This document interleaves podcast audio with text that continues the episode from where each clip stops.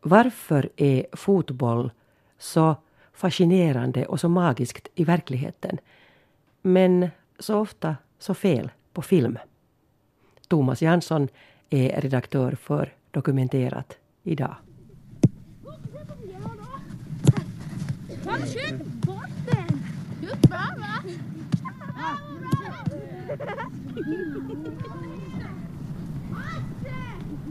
Det är någonstans här som fotbollens magi börjar. Att det bara behövs en boll och ibland inte ens det. På rasterna första året i skolan sparkade vi en sten när det var förbjudet att sparka boll. För att så många av oss drogs till den där leken och inte kunde låta bli.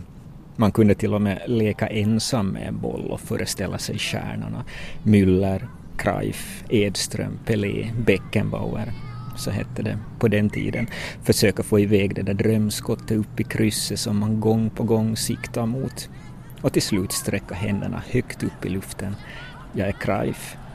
Just den här sekunden efter skottet som äntligen träffar rätt är jag Johan Cruyff och jag har gjort århundradets mål.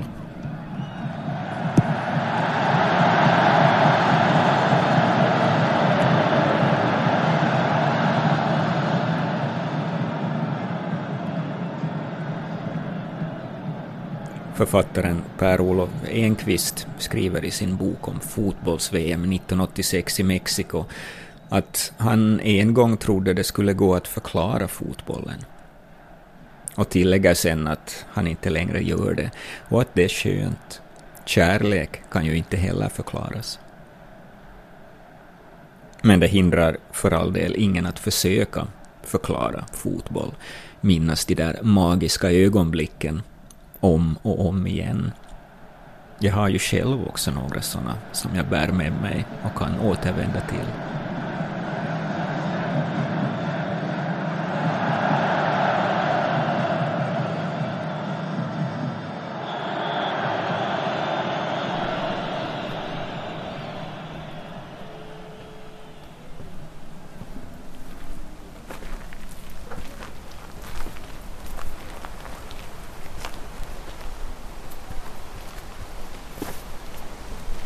En alldeles speciell fotbollshistoria för mig ut i Åbolands skärgård. Här sitter författaren Morten Westö och avslutar arbetet på något så ovanligt som en finlandssvensk bok om fotboll. Egentligen redan som pojke så läste jag jättemycket biografier över idrottare. Och jag har nog alltid intresserat mig mest för den här psykologiska delen av sporten. Att den har liksom, det har varit det intressanta tycker jag, inte så mycket det här resultatmässiga. Eh, och det började nog väldigt tidigt med, med eh, började med sådana tennismatcher eh, man såg som pojke, alltså bara att analysera John McEnroe som tennisspelare när man var, växte upp så var det fascinerande att sådana stora profiler som, som liksom väckte ens intresse för att vad är det som driver en idrottare, hur, hur, lever de i vardagen och vad, vad, vad, är deras målsättningar och hemligheter och sånt här. Det är nog intressanta, intressanta saker. Jag har ju skrivit om sport och fotboll i tidningspressen i ja, 15, ja, snart 20 år faktiskt. Kolumner på sportsidor och så här, så det, det är på något sätt en, ett naturligt sätt att skriva för mig. Jag kanske ville utveckla det lite grann och vidga perspektivet. Det kändes som en bra utmaning att, att prova att skriva lite mer utförligt om, om sport och se vart, vart det leder. Mm. Den här boken är en berättelse om en rysk familj som utvandrat till Finland för ett kvarts sekel sedan. Slog sig ner i Jakobstad mm, pappan känd fotbollsspelare och mamman eh, elitgymnast och gymnastiktränare. De fick tre söner av vilka alla tre idag är mer eller mindre professionella fotbollsspelare.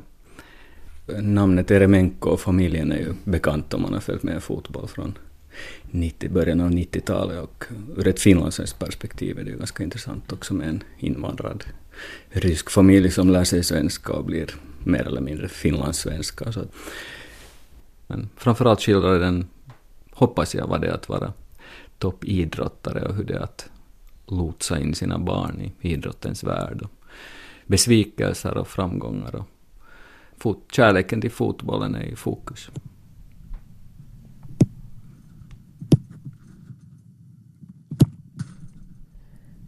Som tonåring gick jag på så många fotbollsmatcher som möjligt. Och i en stad som Åbo var utbudet nästan obegränsat. Jag bodde bara ett kvarter från planen där division 3 och 4 matcher spelades och gick på allt, flera matcher i veckan. I pausen kom man gratis in, vilket förstås var avgörande om veckopengen också skulle räcka till läsk och glass och munkar. Så det var oftast bara andra halvlekar jag såg. Vid en plan där man kunde stå så nära som en meter från sidolinjen. Det var innan TV-fotbollen tog över. På den tiden, 70-tal, kunde man se sammanlagt en fotbollsmatch i veckan i TV på lördagar med en oengagerad referator som ibland var tyst så länge att man kunde tro att han tog tobakspauser. Vilket kanske också var sant. Han var nämligen kedjerökare, såg jag senare när jag själv blev fotbollsjournalist. Och ja, just det, det var under en utlandsresa i rollen som fotbollsjournalist som jag sen såg mitt mest magiska fotbollsmål.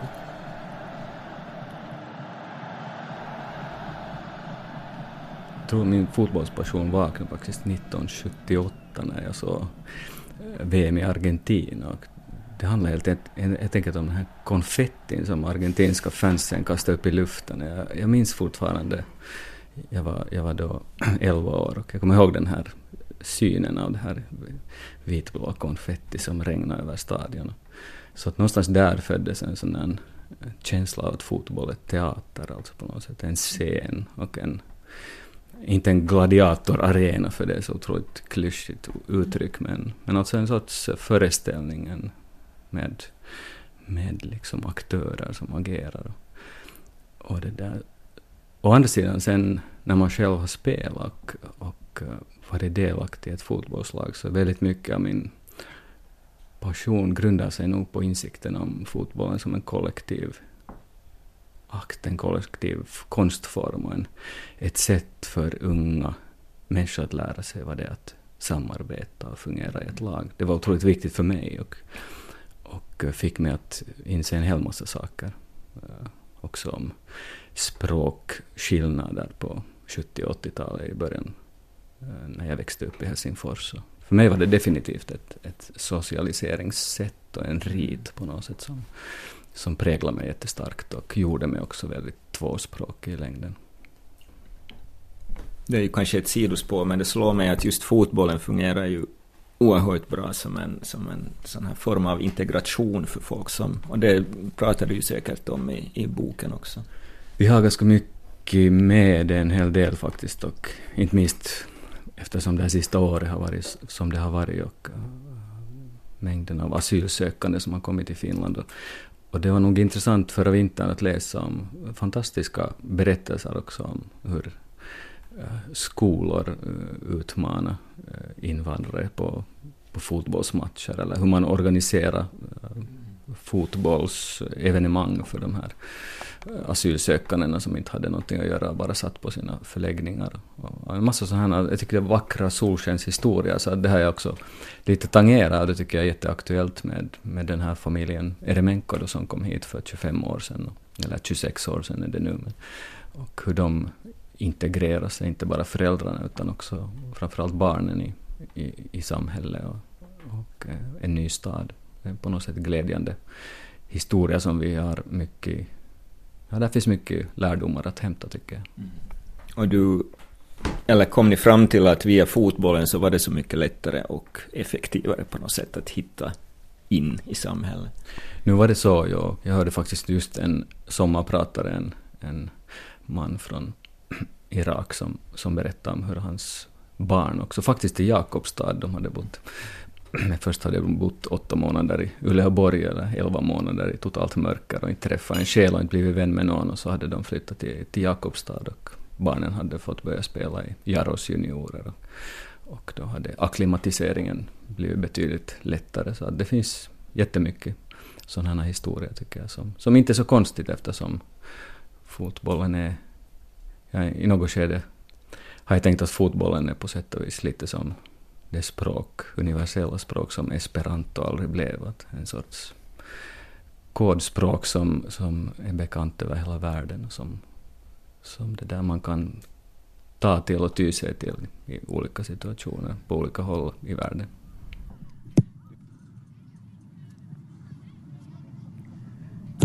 Också det är en bit av fotbollsmagin, det där världsomspännande, att fotbollen är som ett eget språk som talas överallt. Jag vet inte vad det var som fick oss sjuåringar på skolans första klass att samlas kring något man kunde sparka mot ett mål, men jag minns det som något outtalat självklart, något vi bara drogs till, som en magnet. På samma sätt som när vi något år senare äntligen fick spela på en sandplan med riktiga mål och bollen helt konkret fungerade som en magnet som alla drogs till, som en flugsvärm kring något sött. Och senare, omklädningsrummen som en lika mytisk plats som rockmusikernas backstage, bollar som man kämpar med att pumpa luft i, skor som knyts, känslan när man springer ut på en gräsmatta, äntligen gräsmatta istället för de dammiga hårda sandplanerna. Ljusa sommarkvällar och regnigt blåsiga, iskalla höstdagar, en bunt människor och en boll, och någonting som bara finns där. Det behövs inga ord för att alla ska hitta in i leken. Och det är likadant överallt i världen. Alltså du, du, du frågar varför man blev intresserad av fotboll så jag menar att det Jag behöver fler tankar kring det där med magin, så jag söker upp två vänner med en långlivad relation till fotbollen. Sportjournalisten Mats Lundberg. Jag menar att det finns ju redan någonting eh, lockande liksom i det där, eh, den där stora gröna gräsmattan mm, mm. och, och de, här, de här eh, då, då liksom 22 aktörerna att just om man har hela, hela planen liksom att, att man i, i perspektiv då så att, så att det är ju väldigt eh, det, det, det, är nästan bildskönt det där liksom att se, se ja. hur, hur, hur, spelarna uh, rör sig och, och, just det här med, med taktiken också att, att, det finns så många olika sätt att, att, att vinna en match på just. Och journalisten Sean Lindén helt enkelt det här gräset, att det är liksom en känsla som kommer över en då man kliver in på en arena och ser det där gräset. rända liksom. Också det att speciellt de gånger jag har varit i England och på någon sån här gamla lägre divisionsarenor, bara att gå liksom igenom någon sån här förort och sen mitt i allt torna den här lokala arenan upp sig där, det är också liksom, det är någon viss speciell känsla som kommer, kommer över en, men sen finns ju det här spelarsidan då också, att det är så enkelt att gå ut och spela och, så, då man är liten är det så enkelt att gå ut och fantisera till och med ensam på gården att man är man är de här stjärnorna och liksom skjuta, skjuta mot mål och det är enkelt att på, på rasten i skolan ta med sig en boll, vilket vi alltid gjorde i lågstadiet, spela, dela upp klassen i, eller pojkarna i två lag och, och spela mot ett mål och sådär. Så, så det, det, finns ju den där enkelheten som gör att fotbollen är liksom lätt att, det är lätt att ta med sig själv också och syssla med. Magin bygger på att vi har vissa minnen som är kopplade till specifika mm. fotbollshändelser och det skapar en sån här aura av, av någonting, någonting speciellt. Någonting magiskt som har inträffat. Sen tror jag att ganska mycket av fotbollsvurmen bygger på eskapism faktiskt. Det kan jag ärligt säga att det gör för mig. Fotboll är en, ett, på det sättet ett magiskt sätt att fly också. Det är en, en sorts och då menar jag med flykt en sorts avkoppling från, från uh, dagens värld som uh, har så mycket katastrofnyheter och annat. Och det tror jag har präglat min, uh, som vuxen i synnerhet, min, min känsla för att koppla bort världen en stund och fotbollen är ett, ett bra medel för det. Och det, på sätt och vis är det ju förkastligt förstås mm. eftersom man, flykt aldrig är bra per se men, jag tror att vi människor behöver det och musik är ju en annan mm. källa till flykt på sätt och vis också så att där har vi en parallell mellan, mellan de två. Men vad är bättre med fotboll än med, vad ska vi säga, volleyboll för en flykt?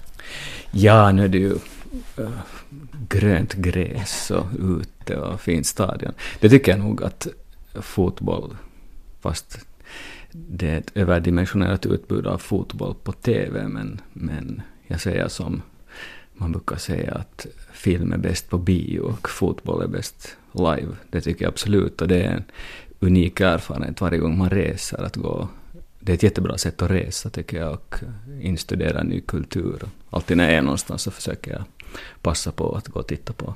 Det behöver inte vara någon toppmatch, det kan vara någon korpmatch någonstans i någon eh, förort i Frankrike eller någonting så. Det är alltid roligt att se, man, man urskiljer olika, olika saker. Uh, sen finns det ju fantastiska fans som eh, helhjärtat bakom sitt lag och odlar en helt annan sorts kultur. Och det tycker jag är intressant att gå också utomlands när man är, att gå på vilken sportbar som helst. Det är alltid ett intressant sätt att, att träffa. Eh, det är liksom en smältdegel ofta av inte bara lokala invånare utan människor från olika delar av världen. Det är alltid väldigt givande. Och där kan man börja prata med människor från, från vitt skilda kulturer om, om fotboll och det ger en annan inblick i en hel del saker. De otroliga ögonblicken som man aldrig glömmer. De där underverken. Jag minns hur den brittiska dramatikern Sarah Kane jämförde fotboll och teater och sa något i stil med att man i en teatersalong i god tid vet om det blir en intressant kväll eller inte. I en teatersalong sker det inga underverk på tilläggstid, men går du på fotboll kan du aldrig veta. På en fotbollsmatch är de alltid möjliga, underverken, när som helst, då du minst anar det. Det är också en del av magin, den där väntan på underverken, och att det där omöjliga ibland faktiskt också sker. Jag ber mina intervjuobjekt välja ett magiskt ögonblick, bara ett, och försöker också formulera ett eget. Det finns ju stunder då jag har spelat själv, den där stämningen, känslan att rulla bollen på en gräsmatta, eller målet i skolturneringens bronsmatch mot Kokkola. Sånt hände inte så ofta, men den gången vann vi väl med 7-0 om jag minns rätt, så målet betydde ingenting för någon annan än mig själv. Men mitt magiska ögonblick upplever jag från en läktare i italienska Milano jag har rest ner med tåg för att se Åboklubben TPS möta superklubben Inter Milano i en Eurocup-match på legendariska San Siro-stadion och ser det omöjliga. Mika Aaltonen, som får lite ledig yta på Inters planhalva och plötsligt skjuter från 25 meter, ett sånt skott som sällan lyckas, men nu får han iväg drömskottet rakt upp i krysset. Det blir tyst på läktaren och fler mål blir det inte den kvällen. 1-0 är ett resultat som uppmärksammas överallt i fotbolls-Europa. Efter matchen sjunger konkurrenten AC Milans fans skadeglatt på stan och inte svarar med att köpa upp Altonen för en jättesumma utan att någonsin låta honom spela. Allt som Diego Maradona gjorde till exempel då så är ju förstås äh, har etsat sig fast sådär på ett på ett unikt sätt. Typ? Nå, typ hans uh, solomål mot England 1986 i, i VM, eller inte hans uh, handmål som han gjorde i samma match, men, men sån här. Bästa exemplet som jag nu kommer på så är ju det här Maradonas uh, eh, 2-0 mål mot, mot England i, i VM 86 i, i kvarten. Det, det, var ju alltså det, det, det är väl liksom någonting som fångar fotbollens magi. Det här är ju lite kanske slött på ett sätt men talande att jag skulle ha valt precis samma ögonblick. Men, men jag skulle kanske, på tal om det här Guds handmålet, så ska jag kanske inte heller säga att liksom trots vad som hade hänt, utan kanske delvis också på grund av vad som hade hänt tidigare, att det på något vis hör intimt ihop i den här Maradona-myten, eller verkligheten som det ju på ett sätt också är. Äh, och sen gjorde han då det här några minuter senare det här målet som ingen kunde liksom klaga på som ett av de mest fantastiska. Där finns ju också förstås kring hela Maradona-personen. Tre personer, samma ögonblick. Det där 2-0 målet som kom efter att samma Maradona hade fuskat till sig ett annat mål med handen. Det som Sean syftar på när han talar om Guds hand, begreppet som myntades av Maradona själv efter matchen. Men så, Bara fyra minuter efter fuskmålet. Maradona får bollen på sin egen planhalva med ryggen vänd mot Englands mål. Han, han får bollen strax före mittlinjen och, och vänder blixtsnabbt bort liksom två engelsmän och så börjar han liksom då avancera liksom med, med bollen klistrad. Maradona. Maradona! Oh! Buchaga to his left and Valdano to his left. He doesn't, he won't need any of them. liksom fyra motståndare till inklusive målvakten och rullar in den i, i mål.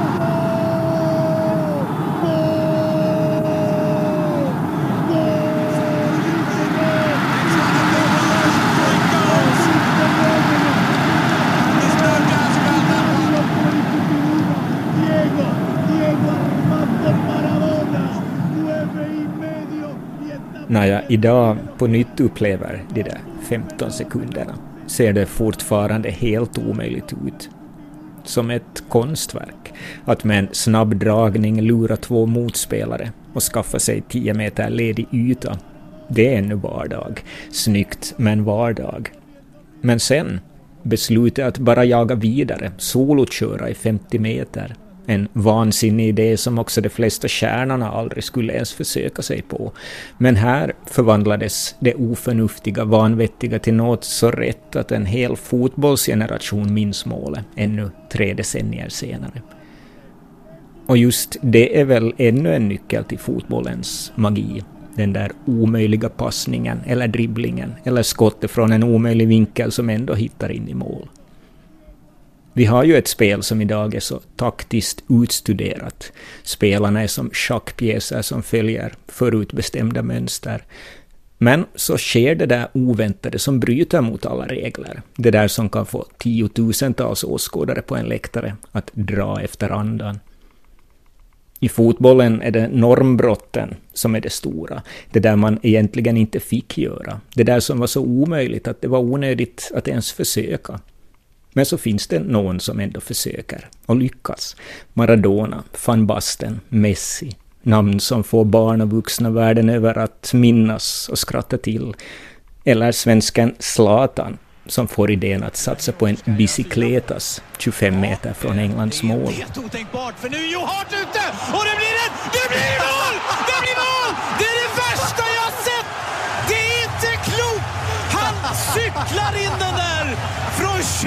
25 meter! Det ska inte gå! Han gör cirkuskonster som är överjordiska. Ja, det är inte ofta man blir mållös som kommentator, men eh, det blir man. Just för det inbyggda dramat så de möjliga underverkens skull kunde man föreställa sig att fotboll skulle attrahera också filmregissörer. Det har ju gjorts en del sportfilmer, lyckade sådana. Robert De Niro som Jake LaMotta i regissören Martin Scorseses boxningsfilm Raging Bull är ett klassiskt exempel. Det finns lyckade baseballfilmer, till och med någon ishockeyfilm. Men fotboll, det är som om det alltid blev fel när man för över fotboll till en filmduk. Eller? överhuvudtaget att skildra idrottsmagin, den är ju, den är jätteknepig. Alltså det, det, är det där, oftast väcker det på något sätt så här pin, lite pinsamma känslor av, av att ja, här har någonting gått snett. Det är någon som inte riktigt kollat upp nu att den här skådisen vet vad den gör.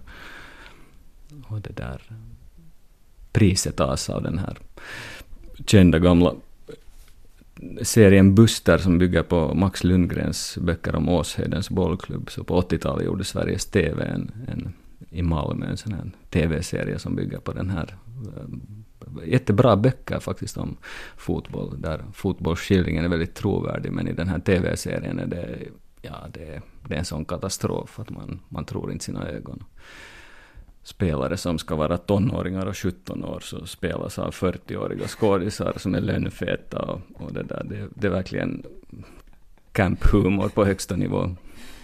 Men hur är det möjligt att det blir så fel? För jag menar, nu måste ju folk förstå att inte kan ju vem som helst trovärdigt spela fotboll.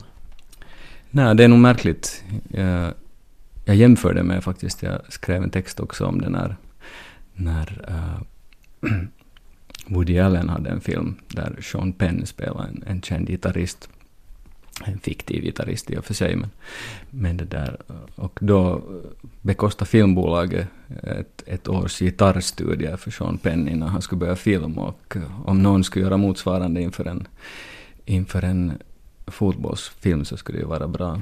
Det närmaste jag kommer faktiskt är, okej, okay, Rocky-filmerna, boxningsfilmer är kanske det närmaste man kommer det där boxningens råbarkade magi kanske skildras. Eller det handlar förstås om skådisar också. Robert De Niro i Raging Bull det är en fantastisk film. Och snacka om trovärdighet. Det är liksom verkligen enastående. Så något motsvarande i fotbollsvärlden har åtminstone mig veterligen inte ännu gjorts. Fotbollens dramatik är så totalt på något vis olika filmen att det hänger just på att man ser liksom de här 90 minuterna och förlängning och vad det kan vara för att verkligen komma in i en match och förstå den här dramatiken. Och det är ju liksom väldigt tvärt emot en film där, man, där det ska gå väldigt, väldigt snabbt och där man ska fokusera kanske på vissa personer så att man måste ha liksom närbilder på folk som då kanske tacklar och nickar och vad de nu har sig och kanske de slänger kommentarer till någon annan och så här. Och jag menar, det, det må vara hänt men alltså det är ju inte så som man upplever en fotbollsmatch och dramatiken i den utan det kan ju vara liksom långa pauser och stunder då det är liksom ganska slött spel och sen tänder det till och så där. Och jag menar, det kan, man kan ju inte ha en 90 minuters match mitt i en, en film för att fånga den, den liksom dramatiken. Det här fotbollens magi är ju liksom att det ska upplevas live och liksom det, det, det ska ju vara som en oregisserad eh, teaterföreställning och liksom det, den går som den går, den då liksom så kanske borde man, när man gör spelfilm om fotboll, och, och, speciellt om det nu ska vara lite faktabaserat, så kan man ju eh, faktiskt eh, har de där själva fotbollsdelarna liksom eh, som, som eh, alltså från riktiga matcher då så, så kanske det skulle bli, bli, bli något vett på det men att, eh, nej, att, det, det, att det, det är väldigt svårt. Det är ju kanske lite betecknande för fotbollssekvenser i många filmer att de känns ganska konstruerade på ett sätt. Jag menar en naturlig förklaring är kanske helt enkelt det att fotbollsspelare ofta inte kanske jättebra skådisar och skådisar är kanske ofta inte jättebra fotispelare. Så att det, det, det är kanske den här ena, inte den enda förklaringen. Men att... Think I'm good enough? Yeah. Watched you a couple of times, you've gotten really good. I don't know, it's up to our coach, but I know we could do with some new blood. Jess, that's brilliant. Yeah, nice one, Jess.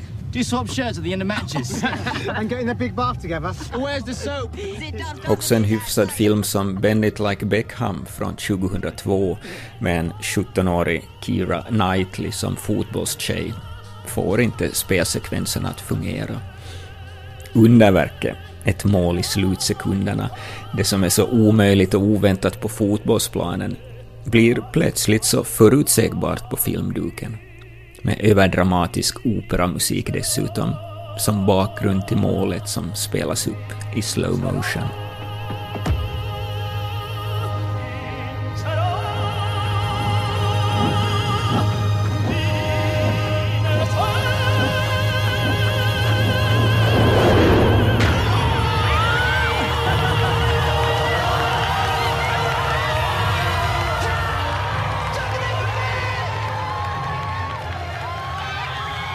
Kanske är det på samma sätt som att försöka förklara fotbollens magi och underverken. De är som såpbubblor. Just när du ska gripa tag i dem går det sönder.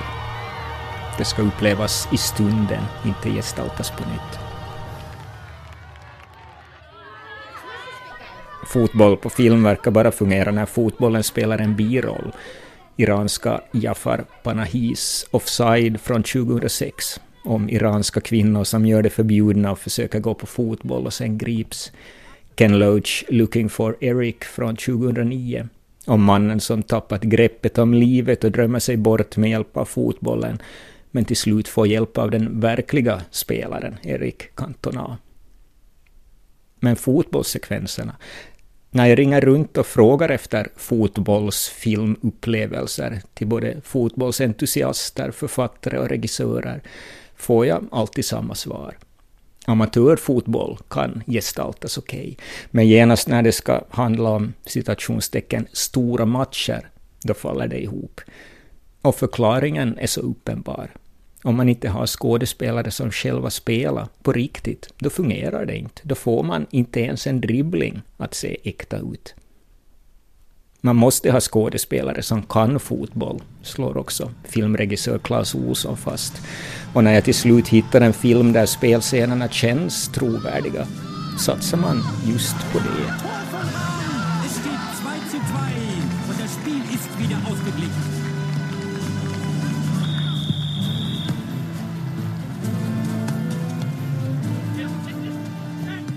Det här är tyska Undret från Bern från 2003. En film som utgår från Västtysklands VM-guld 1954 och berättar en historia om ett postkrigs-Tyskland och om fotbollen som hämtar tröst och framtidstro. Jahren kein Länderspiel mehr verloren hat. Doch der Zeiger. er wandert so langsam. Wie gebannt starre ich hinüber. Geh doch schneller, geh doch schneller. Aber er tut es nicht. Er geht mit der Präzision, die ihm vorgeschrieben ist. Här bestämde sig regissören Sönke Wortman för att alla som gjorde en roll som spelare skulle ha spelat fotboll åtminstone i tysk division 5.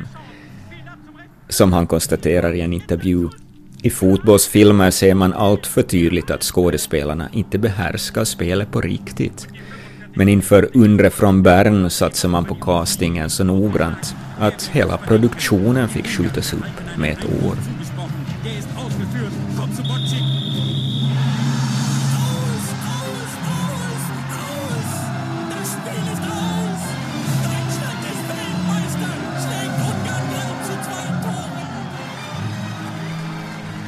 Det syns förstås i den färdiga filmen. Och när man ser den så blir det svårt att förstå att man inte alltid ger castingen så mycket tid och tanke. Om Robert De Niro kunde gå upp i vikt och förvandla sig till Jake LaMotta och en Meryl Streep kan omfatta vilken accent som helst och Sean Penn ges möjlighet att lära sig gitarr. Om Jarkko Nieminen lär skådespelaren Sverrir Gudnason tennisens grunder när Sverrir ska spela Björn Borg i en kommande film. Eller om Jarkko Lahti tränar fyra år för rollen som boxaren Olli Mäki i den hyllade nya finska filmen Hymylevä mies. Då borde man väl kunna få fram ett gäng som på riktigt kan eller lär sig spela fotboll också. Kanske kunde någonting sånt hända om fotbollen skulle vara riktigt stor i USA, tänker jag, lika stor som baseball eller boxning. Att någon kanske då skulle bestämma sig för att på riktigt försöka greppa om den där magin också för en filmduk. Tills dess kan man kanske tänka som Mats Lundberg. Ja, alltså man, man, kanske man borde låta, låta bli fotbollen helt enkelt. Eller som P.O. Enquist. Att det helt enkelt inte går att förklara fotboll. Istället kan man nöja sig med att se fotboll live, låta känslorna flyga iväg med en, vänta på de där magiska stunderna som kanske kommer, kanske inte, och som alltid tidigare slås av häpnad och beundran när det omöjliga dyker upp framför ögonen på en, från ingenstans. Eller njuta av fotbollens vardagsmagi, så där som Mårten Westö när jag ber honom beskriva ett personligt stort fotbollsögonblick. Som förälder, så båda mina pojkar spelar i tiden fotboll.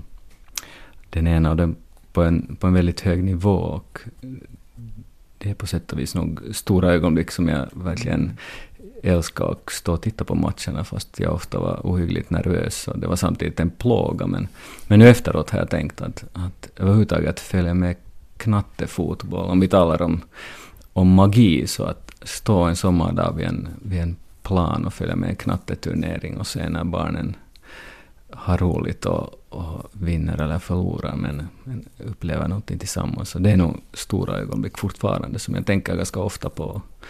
Och sådana här minnen som, som har etsat sig kvar som, som verkligen är en känsla av att fotboll är ett universellt språk som, som förenar människor på ett, på ett fantastiskt sätt. Så att det är det första jag kommer att tänka på. Skjut bort den! Bra, va?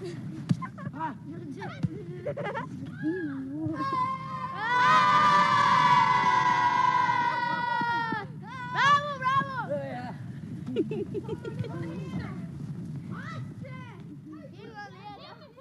Det var Thomas Jansson som var redaktör för Dokumenterat idag.